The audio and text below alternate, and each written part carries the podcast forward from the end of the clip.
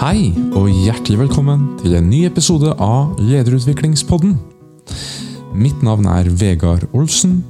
Jeg jobber som team- og lederutvikler i Coachingpartner, og er vertskap for denne podkasten. I dag så gleder vi oss til å snakke med en ny og veldig spennende gjest i Lederutviklingspodden. Første gang jeg hørte om Tom Georg Olsen, var i etterkant av episode nummer seks, hvor jeg intervjua Eileen Klev. Hun fortalte da om IT-konsulentselskapet Miles og deres gründer som hadde tatt tittelen konserntjener. Og da tenkte jeg wow, her har vi en leder som tenker annerledes, og som lykkes med det. Han må vi snakke med.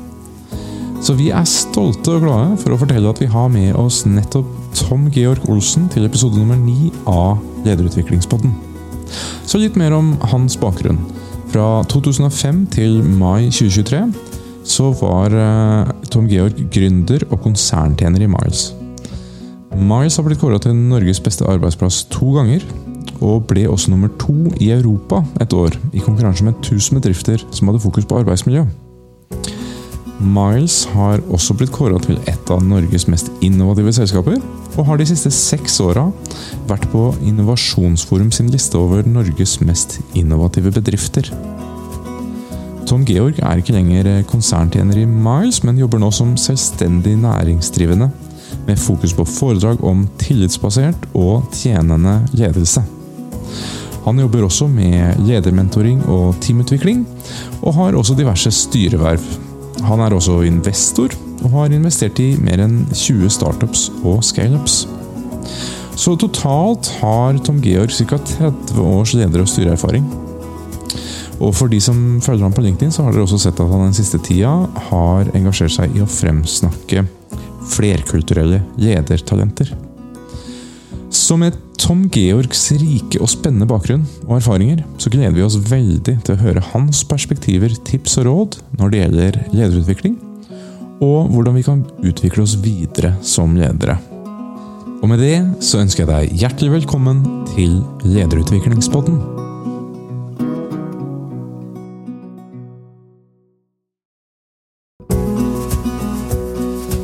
Tom Georg Olsen, hjertelig velkommen til Lederutviklingspodden. Hjertelig takk. Jeg presenterte deg litt i introen her med litt om din bakgrunn, ulike roller og titler du har hatt osv. Og, så og ikke minst ditt fokus på det med tjenende og tillitsbasert ledelse. Og Jeg gleder meg til å snakke mer med deg om det. Men først, for å bli litt mer kjent, så pleier vi å stille spørsmålet hvem er du bak roller, titler, CV osv.? Hva ville du dele da? ja. Um, man burde jo etter så mange år i, i både i arbeidsliv og i privatlivet ha litt selvinnsikt. Mm. Um, jeg vil vel si For å bruke begrepene introvert-ekstrovert, så er jeg vel litt av begge deler. Um, men mest ekstrovert, kanskje. Mm. Og mest energi når jeg er sammen med andre mennesker. Um, men når jeg da kommer for meg sjøl, så uh, reflekterer jeg mye. Mm. Sånn at, og, og, det trives jeg òg med. Så jeg har liksom funnet glede i, i begge de to uh, versjonene. da. Mm. Um, ellers så syns jeg at jeg har vokst på meg nysgjerrighet ja. med årene. Um, og spesielt uh, med hensyn på andre mennesker. Uh, for eksempel, jeg, jeg, bor jo i Bergen til vanlig, men jeg er nå i Oslo nesten hver uke. Og, og, Hvis jeg har anledning, så tar jeg gjerne tur ned til Grønland. Bare for å vandre rundt. Jeg syns det er utrolig spennende å, mm. å se eh, sånn smeltedigel av uh, mennesker. Mm. Uh, og En gang imellom sitter jeg med det kafé, og så ser jeg folk gå forbi, og så tenker jeg sånn, hva er historien til den personen? Mm. Sånn. For mange ganger har jeg blitt overrasket over det. at jeg, at jeg trodde jeg har kjent en person, og så når jeg har fått litt bedre tid med den personen, så åpner det seg noen helt nye dører. Mm. Så nysgjerrigheten vokser og fortsetter å gjøre det? høres det ut som? Ja, faktisk. Ja, ja. faktisk. Ja, så bra. Spennende.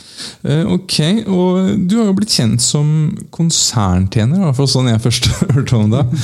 Eh, og med sterkt fokus på det med tjenende og tillitsbasert ledelse, da som gründer av Miles, som mange har hørt om. og Hva er grunnen til at du er spesielt opptatt av det med tjenende og tillitsbasert ledelse? Det er vel en kjensgjerning av at um man løser ut potensialet i folk på en annen måte. Mm -hmm. Jeg pleier å si, er, jeg er jo ikke økonom, jeg er jo teknisk utdannet sivilingeniør. og hjelpepleier og litt sånn. Men eh, jeg pleier å si det til, til de som har studert økonomi, at den, hvis du tenker return on investment, så eh, betaler du stort sett den samme lønn til folk om de er inspirert og engasjert eller ikke. Så, eh, så hvis du klarer å få ut mer ut av dem til den samme lønnskostnaden, mm. så er det god business. Um, og så er det noe med at uh, med hensyn på dette med myke og, og, og harde verdier, som du var inne på i en av podkastene dine, Ja. um, så er det jo også sånn at um, de, de begge deler må være til stede. Um, men jeg, jeg tror jo at veien til de harde resultatene, eller de resultatmålene, kommer gjennom de myke verdiene. Så det har litt, vært litt av min basis. da. Veldig eh, interessant. Jeg, jeg gikk gjennom en del forskjellig forskning nå nylig, som, for jeg skal holde en, en foredrag hos en kunde om hva det er som virker i team- og lederutvikling, og med et forskningsutgangspunkt. Og, da så vi på Gallup, eh, som har forska mye på organisasjon og ledelse. Og de finner altså at eh, det er faktisk ikke så mange som er ordentlig engasjerte. Som har den indre drivkraften som som på en måte er indremotivert og, og, og har en sånn sterk selvdriv, selvledelse, som du vil. Mens de bedriftene som har det, de, de, de både skaper mye større eh, engasjement og kultur, og også det har stor effekt på prestasjoner. Ja. Um, Det var, det var skrevet en del bra om det siste tiden, egentlig. Altså på dette med om eh, Man snakker om eh, gjerne om eh, arbeidsmiljø og, og medarbeidertilfredshet. Men jeg ser at en del av den nyere forskningen nå tar opp det er medarbeider, er det tilfredshet tilstrekkelig? Um, eller kan du være tilfreds og litt slapp? Ehm, bare kom og gjør jobben din, og du er tilfreds. Sant? Kanskje, du har, kanskje det som driver deg i livet, det som ligger utenfor jobben. Um, mens engasjement er på der, det, er der man, det er jo det man må forsøke å skape. Ehm, tilfredshet i seg selv er bare et, et, et trappetrinn på veien. Ja, det er faktisk den samme forskningen jeg så på. var Det mye som, det er mange som måtte, kan gjøre en god jobb, men man er litt i den komfortsonen. Man har ikke det drivet da, som skaper nye ting, bedre ting, bedre resultater også. Ja. Men for å ta liksom et steg tilbake her, da, tillitsbasert og tjenende ledelse, hva er nå det? da? Ja. Um jeg Stort, stort spørsmål, sikkert. Ja, det er det. Eh, Jeg skal ikke forsøke å svare sånn, som en professor på det, men kan si litt om min egen erfaring med det. at eh, Før jeg jobbet i Miles, så hadde jeg seks år i Telenor, seks år i Mentor. og, um, og eh, i lederroller. Um, men samtidig du var, ikke, du var ikke eier, du var ikke gründer. Du var ikke eh, den som på en måte setter rammebetingelsene i samme grad. sånn. Så, så sakte, men sikkert så forsøkte jeg innenfor det som jeg hadde ansvar for, å, å lede på den måten som føltes riktig for meg, og den jeg trodde på. Uten at jeg hadde så veldig mange begreper rundt det. Um, forsøkte liksom å være skikkelig med folk. Uh, nysgjerrig på folk. Uh, uh, ja, Formidle en del av de tingene som jeg trodde på. Og så når vi kom inn i Miles, så fikk jo og Jeg er jo ikke eneste gründer, vi var fire gründere der. Og vi var veldig sånn veldig samstemte på tidlig at vi skulle lage visjonen vår var en fremragende arbeidsplass. Og vi satte verdiene faglig autoritet og varme. Og det å et IT-konsulentselskap så hadde varme som verdi, var veldig utradisjonelt. Mm. IT-konsulenter ble vel sett på som litt sånn nerdete. Mm. Hadde sine relasjoner kanskje mer med PC-en enn med mennesker. Um, men eh, så, så ble det kanskje, hvis vi hadde et begrep på det, så var det vel mer sånn Miles-filosofien. da. Mm. men grunnen til at vi hadde en fremragende arbeidsplass og visjon, det var det at vi, vi hadde en hypotese om at kampen kom til å stå og få tak i konsulenter, ikke få tak i kunder. Sånn som utviklingen var. Og i dag så kan vi si at det ikke er en hypotese lenger, det var en sannhet. De konsulentselskapene som har lykkes best, er de som har klart å tiltrekke og beholde. Ja. Og i 2013 så ble vi kontaktet av Norges handelshøyskole. For de syntes det var så interessant det vi hadde fått frem. Vi hadde fått mye presseomtale. Eh, Egentlig følte på mange måter vi bygget omdømme før vi bygget selskap. Og alltid takk foran. Um, uh, da, da hadde de et, eh, et program uh, som skulle gå over tre eller fire år. Uh, hvor de skulle se på hvordan, hvordan må man rigge fremtidens bedrifter i Norge for å få suksess. Det var sikkert sagt på en finere måte. Eh, Men en av de temaene de hadde, det var ledelse av det som kalte for kunnskapsmedarbeidere. Så kan man jo diskutere, jeg har ikke alle medarbeidere kunnskap osv., men jeg tror man tenkte høyt utdannet, altså bachelor, master osv. Hvordan leder man de? Ut ifra en antagelse av at de kanskje må ledes på en annen måte enn man har ledet industriarbeidere. da. uh, og når de hadde forsket på oss i tre måneder, eh, så, uh, så kom de opp med at vi, det vi var nærmest, var servant leadership. Ok. Som gikk tilbake til 1970-tallet med Robert Greenleaf i USA.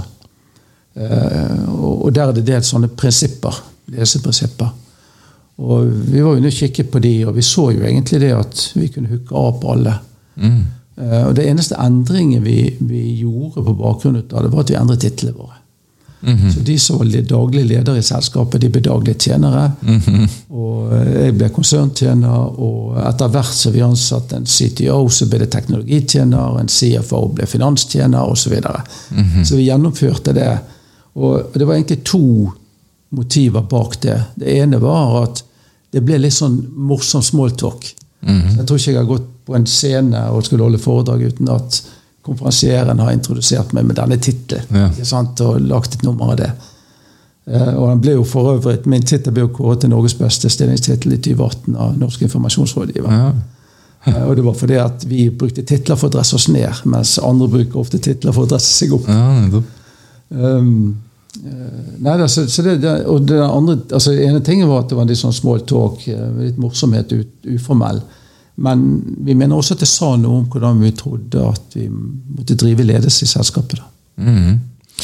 Og det her var jo da ja, varme, som du sier, som verdi er jo veldig spennende. Hva, hva, hva betyr det i praksis da, for dere, eller har betydd, å Ja. leve og bruke den verdien? Vi hadde jo, vi som gründer hadde jo noen tanker rundt hva både faglig autoritet og varme betyr.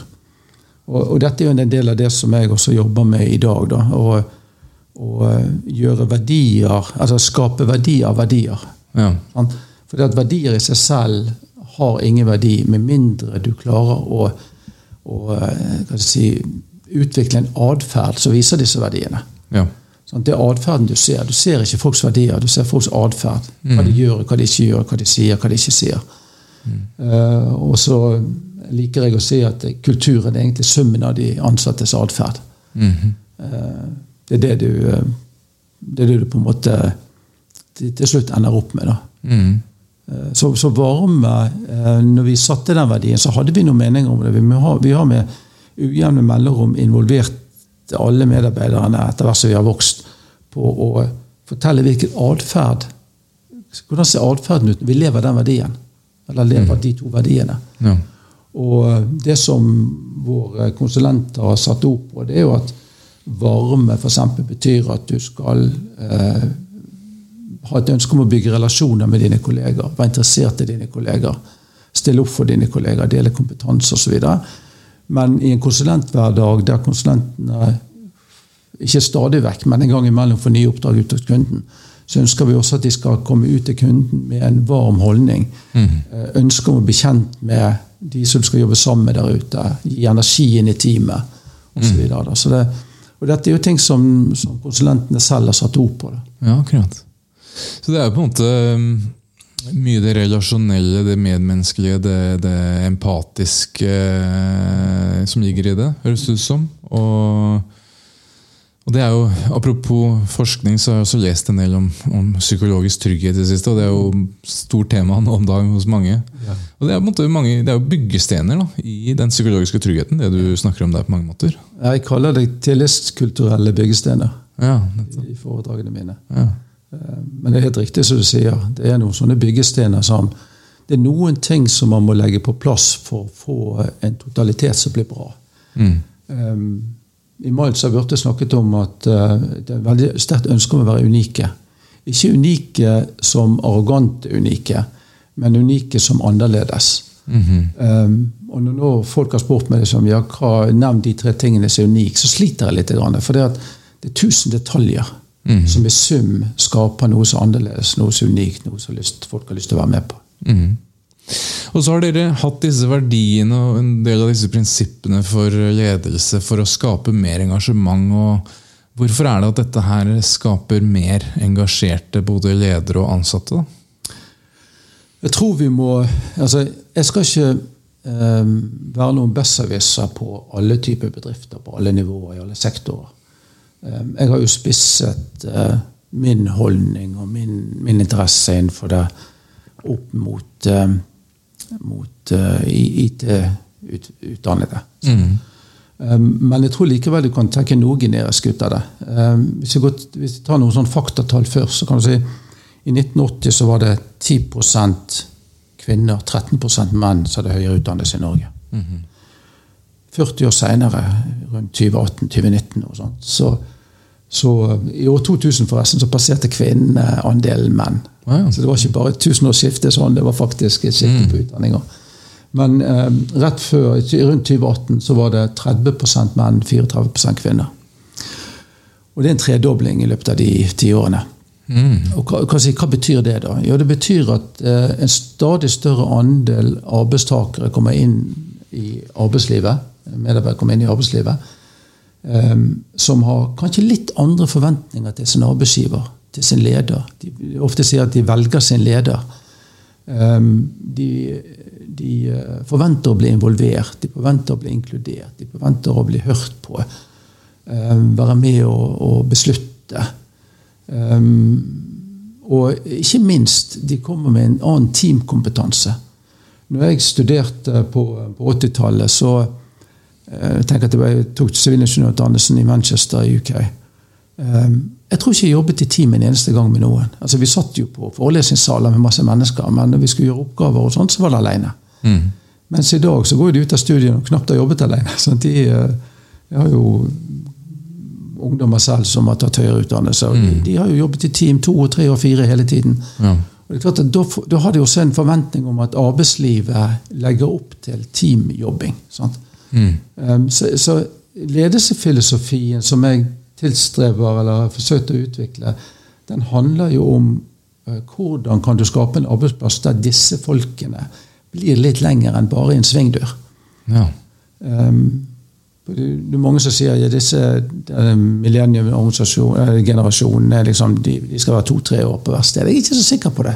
Jeg er ikke sikker på hvor forskjellige de er, hvis vi bare tar reisen deres på alvor. Ja.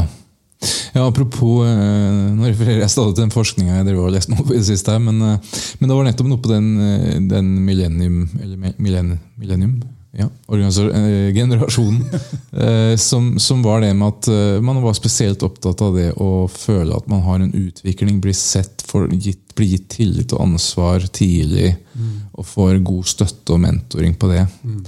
Og det var liksom driverne.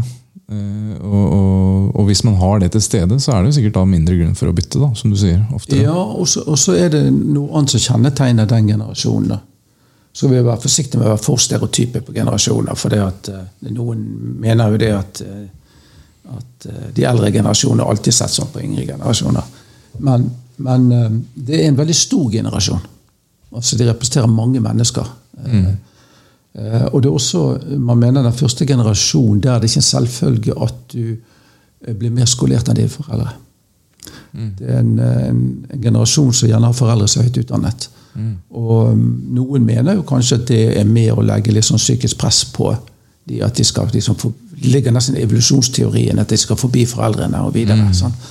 Uh, mens foreldrene allerede er veldig dyktige, sånn, så legger de press på dem at de må liksom bli mm. like høy utdannet som være like dyktige. Da. Ehm, så det er jo en annen side med den eh, generasjonen. Så sånn Helt praktisk, da, hvor, hvorfor blir man da mer engasjerte og mer innovative da, i Miles? Hva er det som i praksis foregår, som sammenlignet med kanskje andre eller tradisjonell ledelse, som gjør at man føler et engasjement, et eierskap og en, eh, et ønske om å være lenge? Det er igjen eh, mange små detaljer, tror jeg. Men jeg tror en av de tingene som har skapt en stolthet, i hvert fall, hvis vi begynner der. Det er rekrutteringsprosessen. Mm -hmm. Som noen nok kan se på som skremmende. Mm -hmm. For den er veldig omfattende. Eh, samtidig så kan gjøres på 14 dager. Det som er mest, mest utradisjonelt, det er, det er vårt sterke ønske om å bli så godt kjent som mulig med kandidaten før vi begge tar en beslutning. Mm -hmm. Mange har en misforståelse av at det bruker vi prøvetiden til. Men da, da tror jeg det er viktig å tenke gjennom hva er egentlig en prøvetid.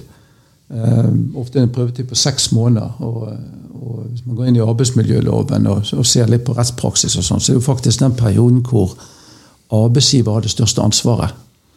Eh, du taper enhver rettssak omtrent hvis, eh, hvis, du kommer i en sånn innprøveperiode. For at var alltid peket tilbake på at du som arbeidsgiver ikke har gjort nok i forhold til omboarding, -hmm. opplæring etc. Kanskje det er riktig nok ikke stå i stillingen, men, men går de til sak, så vil de veldig ofte tape, arbeidsgiveren tape. Mm. Men det som har vært vår tanke Det har ikke vært liksom å, så mye rundt jussen i det, men det har vært mer at det, vi ser på det å begynne i mars, og det å få en ny kollega som noe ekstremt viktig. noe Nesten høytidelig. Mm. Eh, og Derfor så er vi så opptatt av at eh, Nå sier jeg 'vi' hele tiden, selv om jeg er ute. Ja. um, vi er så opptatt av at det skal være et godt valg. Ikke bare for oss, men også for den kandidaten. altså eh, Miles rekrutterer jo folk som veldig sjelden er arbeidsledige.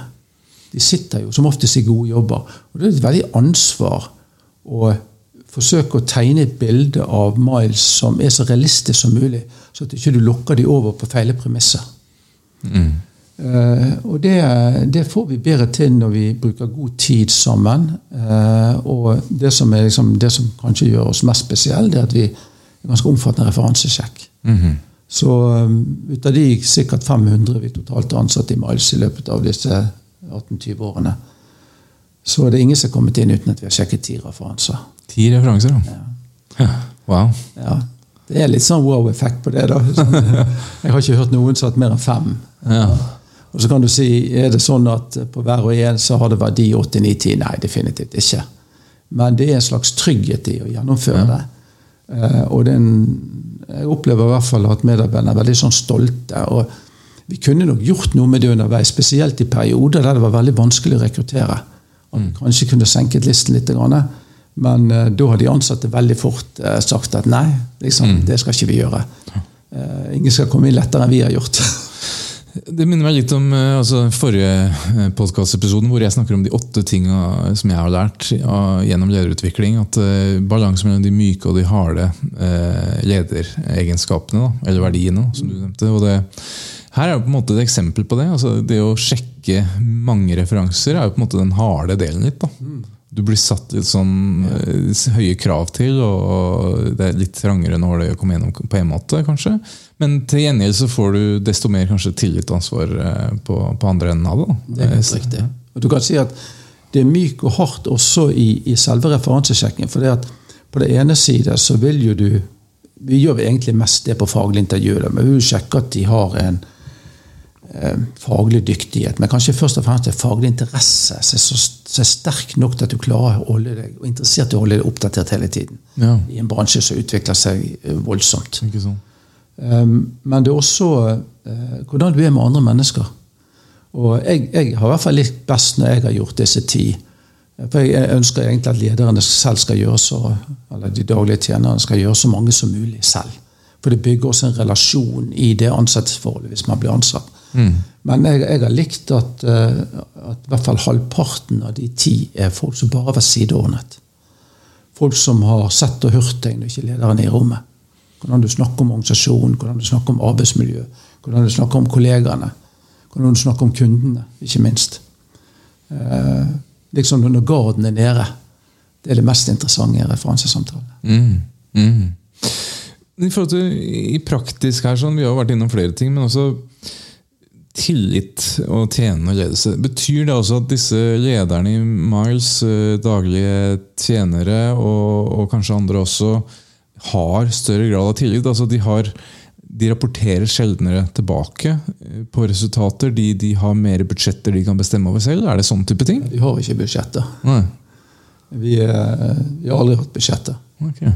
Men, men, så er det viktig å legge til at for Noen tror jo da at ikke vi har regnskap omtrent. Sant? Eh, men vi har hatt prognoser. Ja. Og etter hvert som tiden går, og spesielt når vi får inn et private equity-selskap på eiersiden, så har nok behovet vært for prognoser med litt lengre horisont. Kanskje en tolv måneders prolongerende prognose.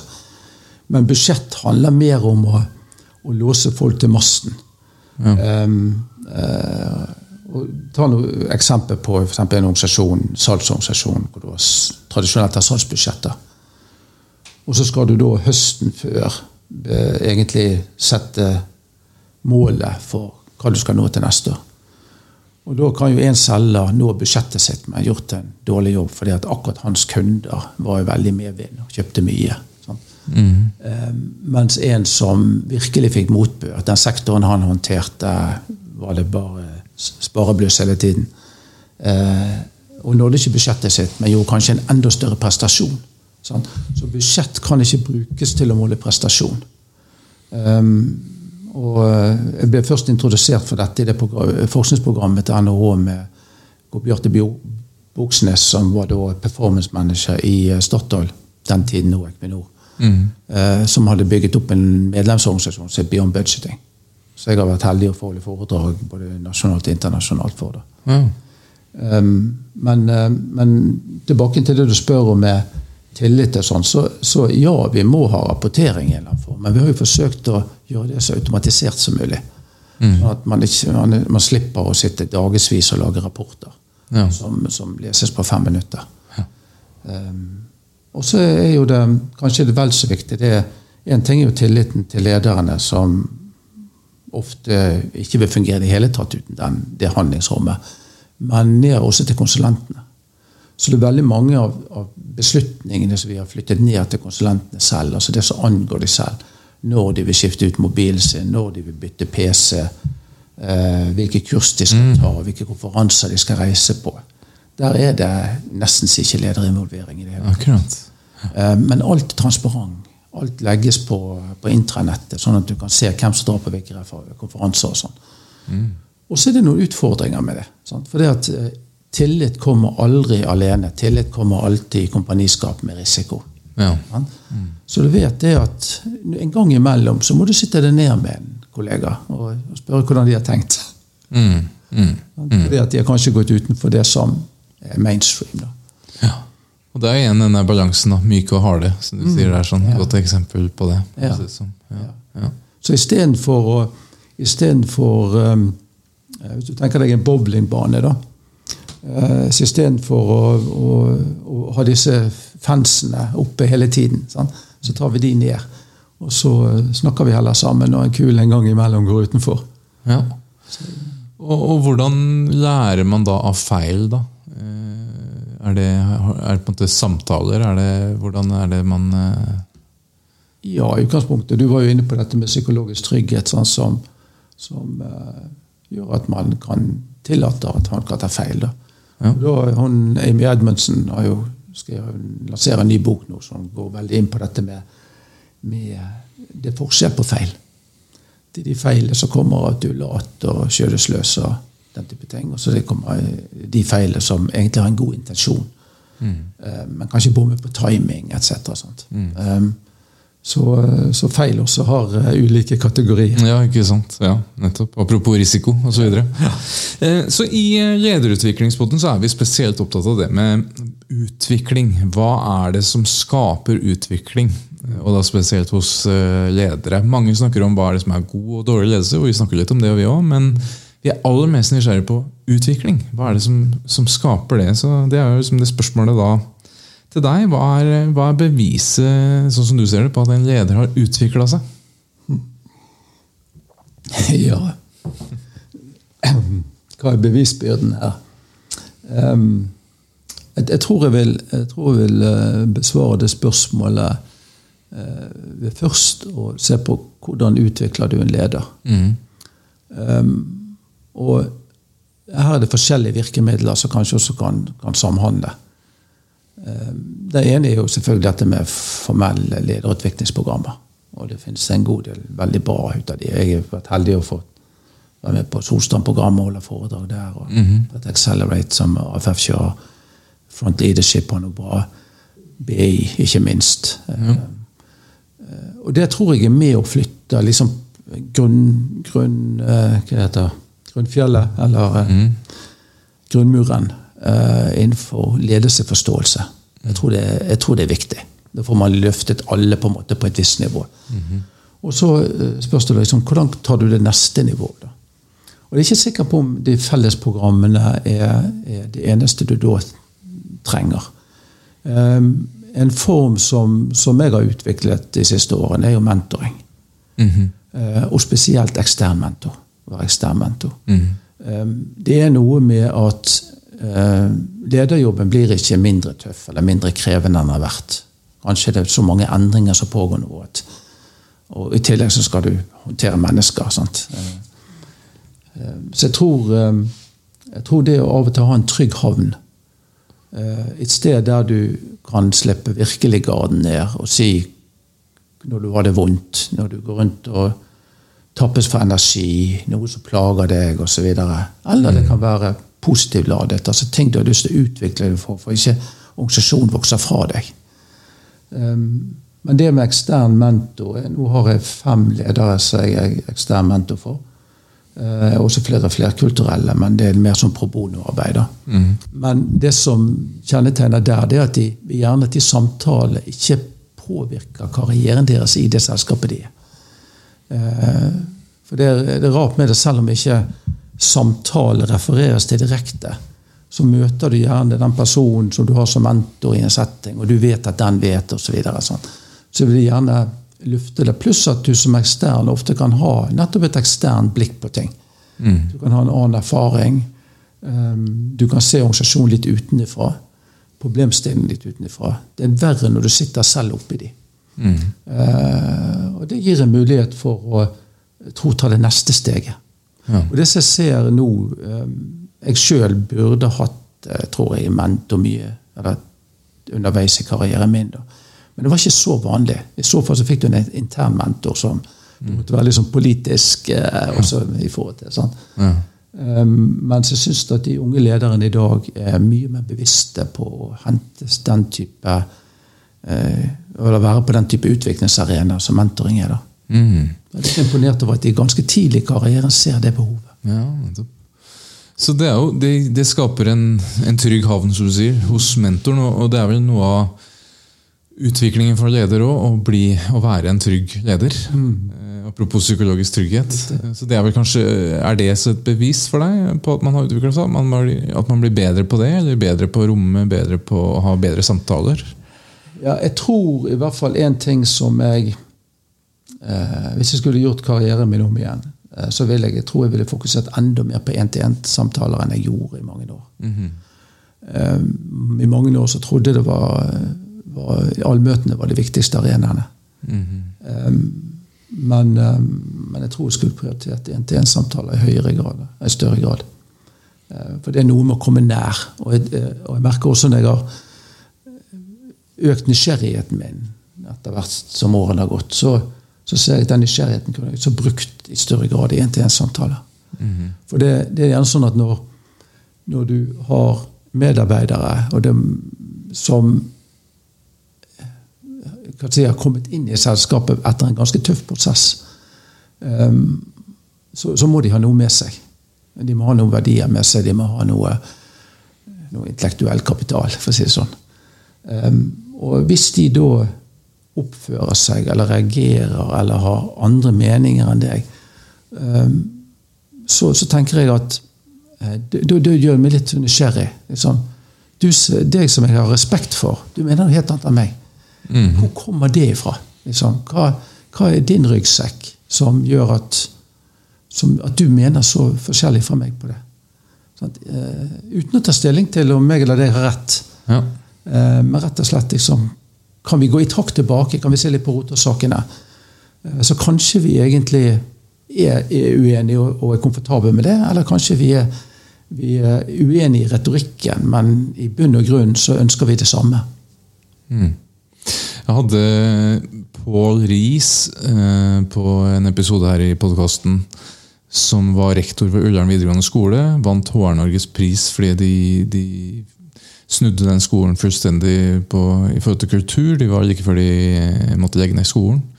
Og han var veldig på utkikk eh, fra eksterne mentorer. Hva kan jeg gjøre for å bli en bedre leder? Og det han fant, var jo det at han trengte å bli bedre på én-til-én og, og lytting, coaching. Og, og tok en coachingutdanning. Og så lærte han de prinsippene videre til sine lærere og ledere. Og det bidro til å snu den skolen, eh, de, de nye si, prinsippene og ledelsesprinsippene de brukte. Da. Og det handler jo veldig mye om å møte mennesker der de er, og én til én. Fantastisk. Jeg tenkte også på det som, som du snakket om, så en av disse åtte tingene. Ja. Eh, du snakket om dette med at dine styrker kan også bli dine svakheter. Mm. Og, og, det har jeg tenkt litt på etter jeg hørte deg si det. Mm. Og kommer på to ting som mm -hmm tradisjonelt ville sagt var styrker, mens jeg også opplevd eh, kan være svakheter. Og Det ene er at jeg er litt sånn eh, språknerd. Mm -hmm. hvis du skal gjøre en prestasjon for meg, og det er skrivefeil, så mister du meg litt inntil vi er enige om at det er skrivefeil der. um, gi meg en avisside, så, så, kan jeg liksom i løpet av 30 sekunder si hva skrivefeil det er der. Men, vet, men, spør du meg hvilke artikler jeg har lest, eller artikler på siden, så er jeg litt blank. Um, og jeg, jeg, spøker litt med at det er hjerneskade, da. Uh, skal man være forsiktig med å spøke med sånne ting. Men, men um, jeg tenkte i mange år at det, en, det, var, det måtte være hyggelig å, å, å, få en tilbakemelding på ting som er feil, for folk ønsker jo å prestere noe som er rett. Um, og så har ikke det alltid blitt tatt positivt imot. sånn det kan Noen oppfatte nesten som en sånn hersketeknikk, eh, men, men motivet er ikke det. Mm. Eh, så det er svakheten altså Det som på en måte er min styrke, nemlig at jeg skriver veldig ordentlig. Eh, mm. Jeg skal ikke si jeg skriver godt i den forstand, men, men jeg skriver feilfritt. Mm. Uh, og hvis noen finner skrivefeil hos meg, så, så tar kveld kvelden. sånn. ja, um, mm. uh, men jeg har skjønt at ikke alle er like opptatt av det, og det er helt ok. uh, og så har jeg liksom moderert meg litt. da, sett, ok, Hvis du skal holde uh, foredrag med noen slides og sånn. Så, så, så liksom, mm. Det kan være greit. Det kan være andre sånn som meg i salen, som mister deg litt. Hvis mm. du har store skrivefeil. Sant? Mm. Og Apropos nysgjerrig, så er det sånn at ord så ofte en test. Mm. du skriver det riktig. Mm. Eh, den andre svakheten er at jeg har vel vært sånn over middels verbalt sterk. Uh, både på scenen og, og i kommunikasjon. Um, og jeg fikk en gang tilbakemelding fra en leder som, som gjorde vondt uh, når jeg fikk han, Uh, før jeg uh, erkjente at det kanskje var riktig. Det var at jeg liksom i én-til-én-samtaler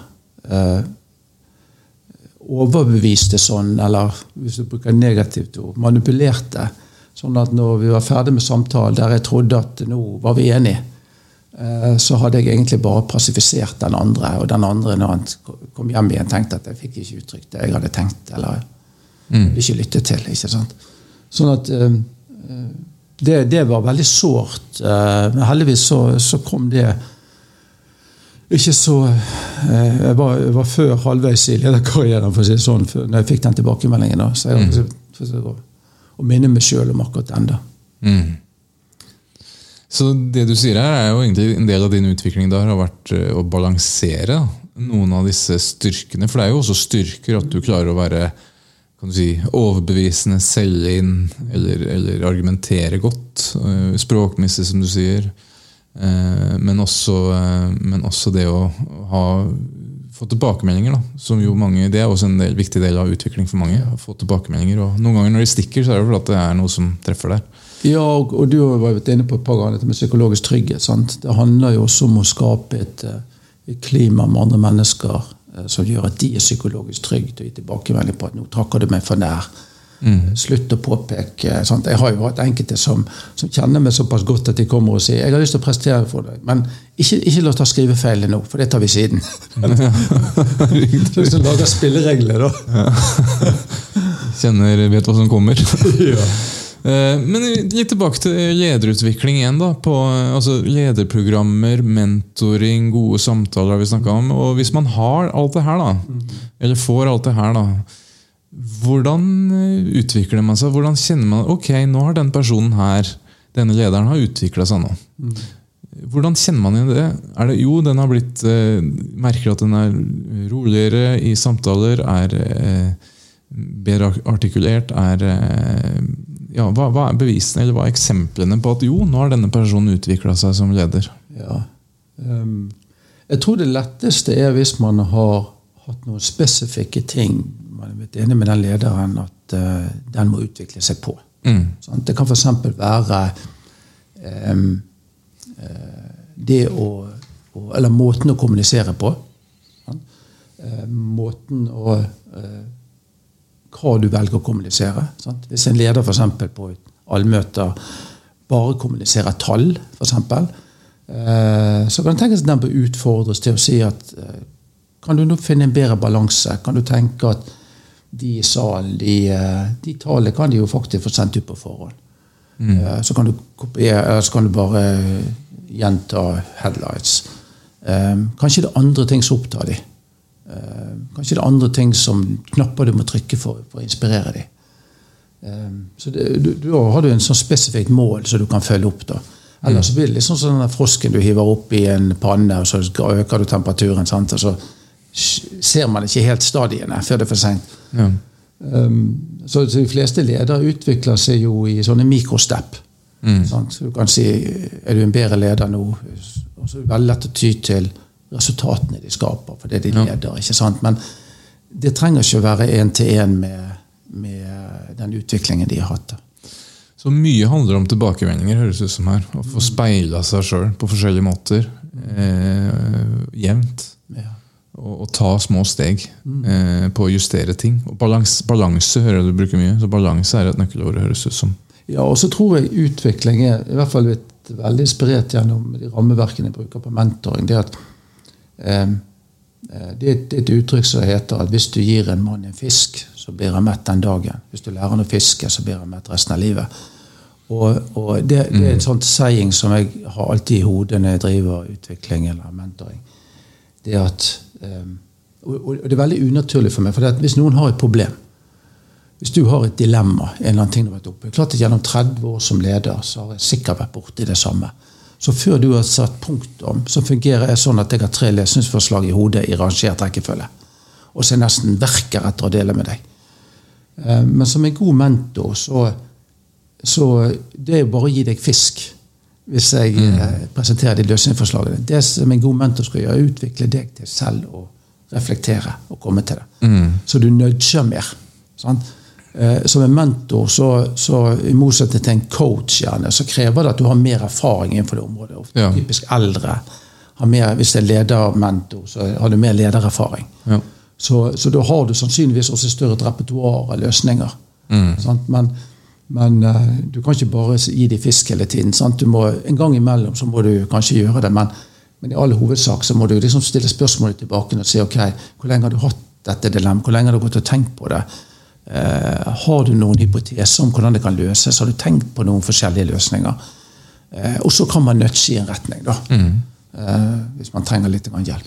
Så ut fra det du sier her nå, så høres det ut som at utvikling handler om å ta større ansvar, ta mer ledelsen, lære seg mer selv. Gjerne kanskje sammen med mentor eller andre. da. Mm. Men altså, stemmer det? Altså, I et sånn tillits- og tjenestebasert eh, ledelse at, at, man har fokus på at flere tar eh, mer ledelse?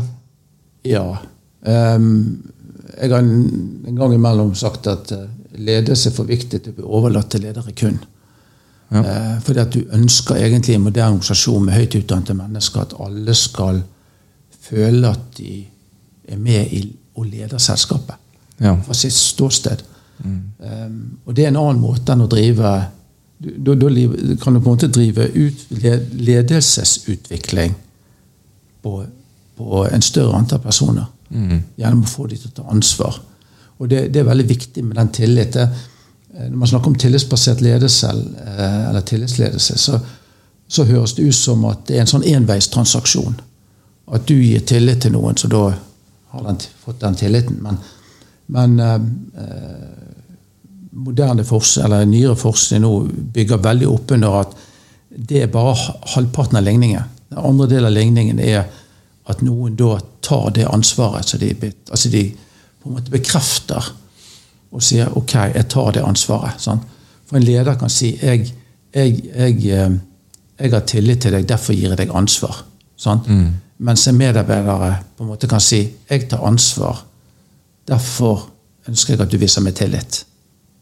Så du har på en måte sagt en, en hel ligning ut av det. Da. Og jeg ja. tror det, vi har overfokusert for mye på den fra leder til, til medarbeider. Ja, sant?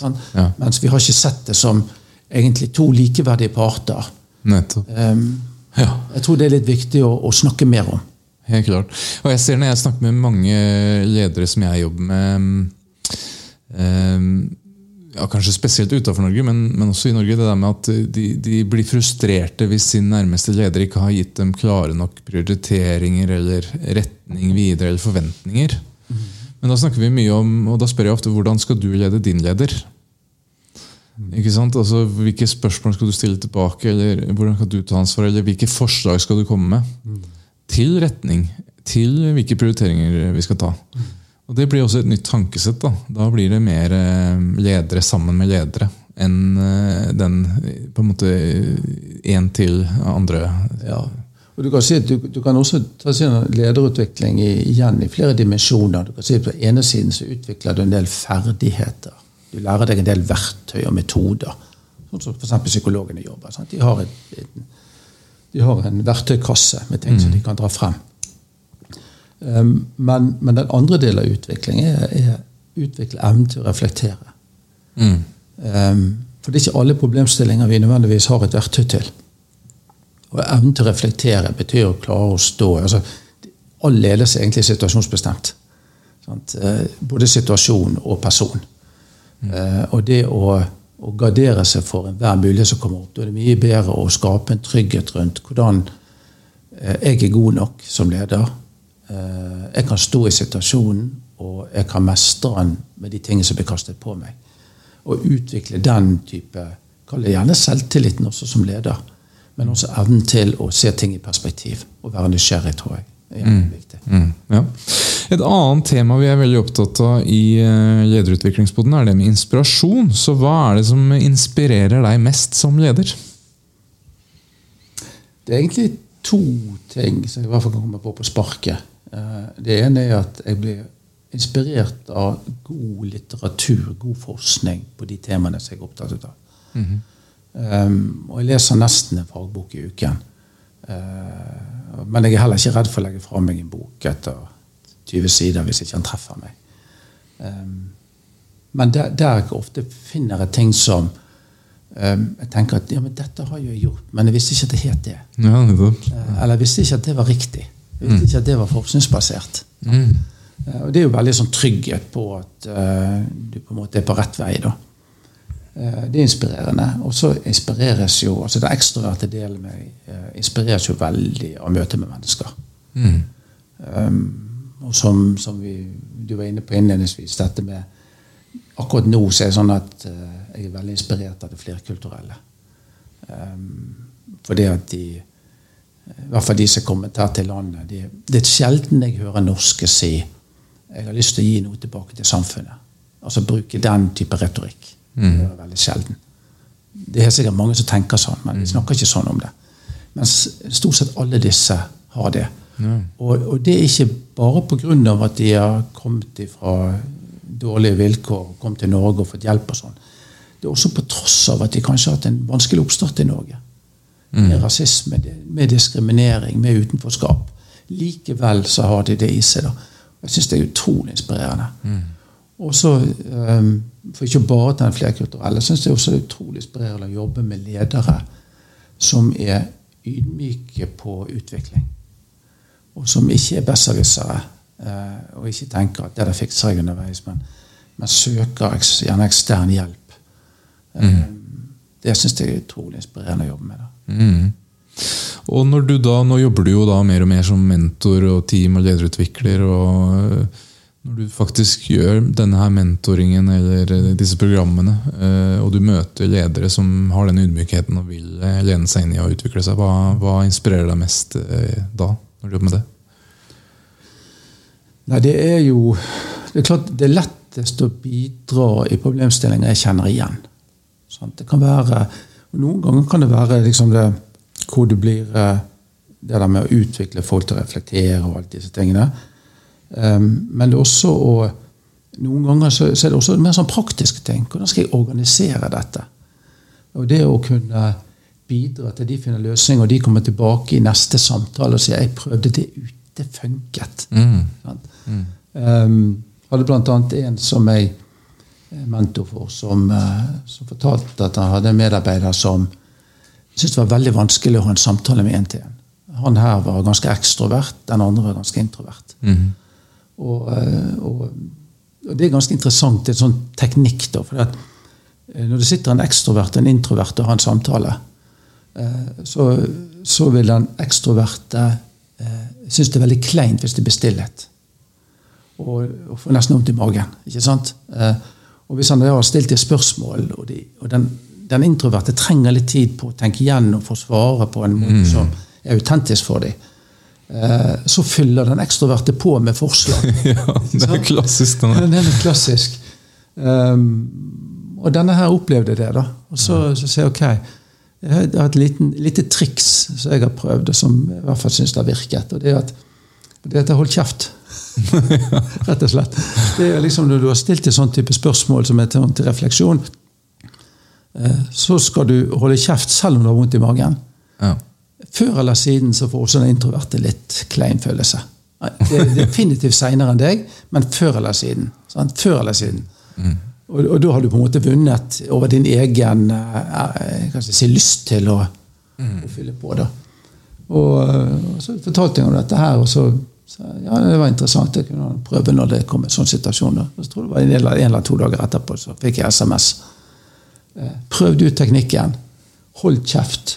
Vant. Tusen takk. og vant betyr egentlig vant over seg sjøl, da. Ja, ikke vant over den andre, mm. vant over seg sjøl og sin en lyst til å mm. Mm. Måtte, drive prosessen. Det er et utrolig spennende eksempel også med tanke på det med Vi snakka litt om det med å overdrive styrker i stad. Og, og, mye jeg snakker om eh, i, i, som lederutvikler og når jeg jobber med ledere i coaching og programmer, og sånn, så er det nettopp det der med å undres over hva er det motsatte av hva jeg er som leder. Mm. Ok, Hvis jeg er introvert, så kanskje det er å være ekstrovert, eller vice versa. Og eh, hva kan være verdien for meg å lene meg litt på det jeg naturlig ikke er noen ganger?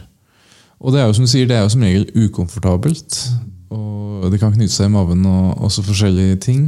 Men uh, der skjer det vekst, da. Mm. Uh, så det er noe nytt. Det er et uh, uutforska landskap. Uh, og, når man tør å sitte litt i det, så Hva, hva har du valgt ut der, da? Eller prøvd ut der? Hva type styrke det du har forsøkt, eller motpost du har forsøkt? Som jeg selv har forsøkt personlig? Ja. ja. Ja, skal vi se, nå må jeg tenke litt. Et eksempel er jo at jeg har vært alltid en veldig sånn visjonær Drevet av visjon og verdier. Og det er på en måte noe som kan skape veldig mye entusiasme og engasjement. Og det kan ofte gjøre at jeg får med meg folk tidlig på nye ideer eller nye, nye tanker. Men det kan også bli en litt sånn overdrive på det. da, At det blir for uh, lite av det konkrete eller for lite av det, sånn, forskning, uh, det rasjonelle, strukturen. Mm. Så jeg har jo, fordi jeg også driver egen bedrift, blitt nødt til å bli god på struktur. Og det rasjonelle og liksom få inn forskning mye. Apropos jeg nevnte at jeg har lest meg opp på siste her. Så det er en del av min utvikling. å få mer inn på det liksom planlagte, strukturelle. og ja, fortsatt være visjonær, som er min hovedstyrke, men, men ha mer balansere det. Med, med noe, med, på mange måter motsatsen av det visjonære er jo liksom det å Ok, hva skal vi gjøre her og nå? Ja. Og hvordan skal vi løse ting nå? Og jeg tror kanskje det Når vi diskuterer lederutvikling, så er det kanskje å utvikle to sider av en situasjon. Altså det at du øker repertoaret ditt. Mm. Hva gjør du når Eh, når alle rundt deg blir veldig visjonære, og du er visjonær òg. Mm. Og ingen tenker på verken referat eller konkretisere mm. mål og mening. Har du da i verktøykassen din at du kan være den som sier ok, da er vi enige om det. Eh, veldig flott visjon. Men, men hvis vi tenker det på det som en sånn gapanalyse, da, at vi skal to be, og i dag er vi assis, hva er det første vi bør gjøre for å bevege oss mot den tubi som vi nå har snakket om? ikke sant? Mm. Så, så, jeg tror det er viktig som leder å utvikle det å balansere ting når ting blir for ensrettet. Det tror jeg absolutt er veldig viktig. og det er en fin ting å være bevisst på, som både gir verdi til den konteksten du er i, men også for deg selv. da. Og det er noe der med den der ute av komfortsonen, kjenne at det er litt vondt i magen. Er, for mye av det er et problem, men litt av det er sunt. da. Det er der man vokser, det er der man utvikler seg. Ja, sier så. Ja, ikke sant? Eh, så Vi har vært gjennom mye spennende temaer. Vi har fått eh, utvikling, lederutvikling, din egen utvikling, inspirasjon og masse spennende både historier og, og, og eh, forskjellige innhold vi har snakka om her. Er det noe mer? Er det noe vi ikke har dekt som du gjerne skulle vært innom her? Jeg vil kanskje, når du nevnte dette med råd og sånn, jeg vil rett og slett si jeg syns det var utrolig interessant å høre der du fortalte om deg sjøl, den episoden. Ja med disse åtte tipsene eh, til god ledelse. Eh, den, eh, den syns jeg var veldig bra, så den vil jeg anbefale. Så bra. Få anbefalt den forrige episoden som jeg spilte inn. Det var veldig hyggelig å høre. Jeg vil egentlig bare si Tom Georg, tusen takk for at du ville være med på Lederutviklingspodden. Og så vil jeg også høre med deg, hvordan er det de som vil få kontakt med deg og høre mer om hvordan du jobber og hva du kan tilby, hva er den beste måten for de å ja, det, er egentlig, det letteste er å søke meg opp på LinkedIn. Tom Georg Olsen. Ja. Sende meg en melding. og jeg er, jeg er, veldig på, så det, det går ikke så mange timene før, jeg, før jeg svarer. Ja. Yes, nei, Da vil jeg igjen bare si tusen takk for at du være med i uh, Lederutviklingspodden. Takk for at du deler av masse spennende erfaring gjennom mange år fra mange veldig spennende perspektiver. Så, takk til deg for gode spørsmål og refleksjoner. Veldig hyggelig. Takk for praten. Música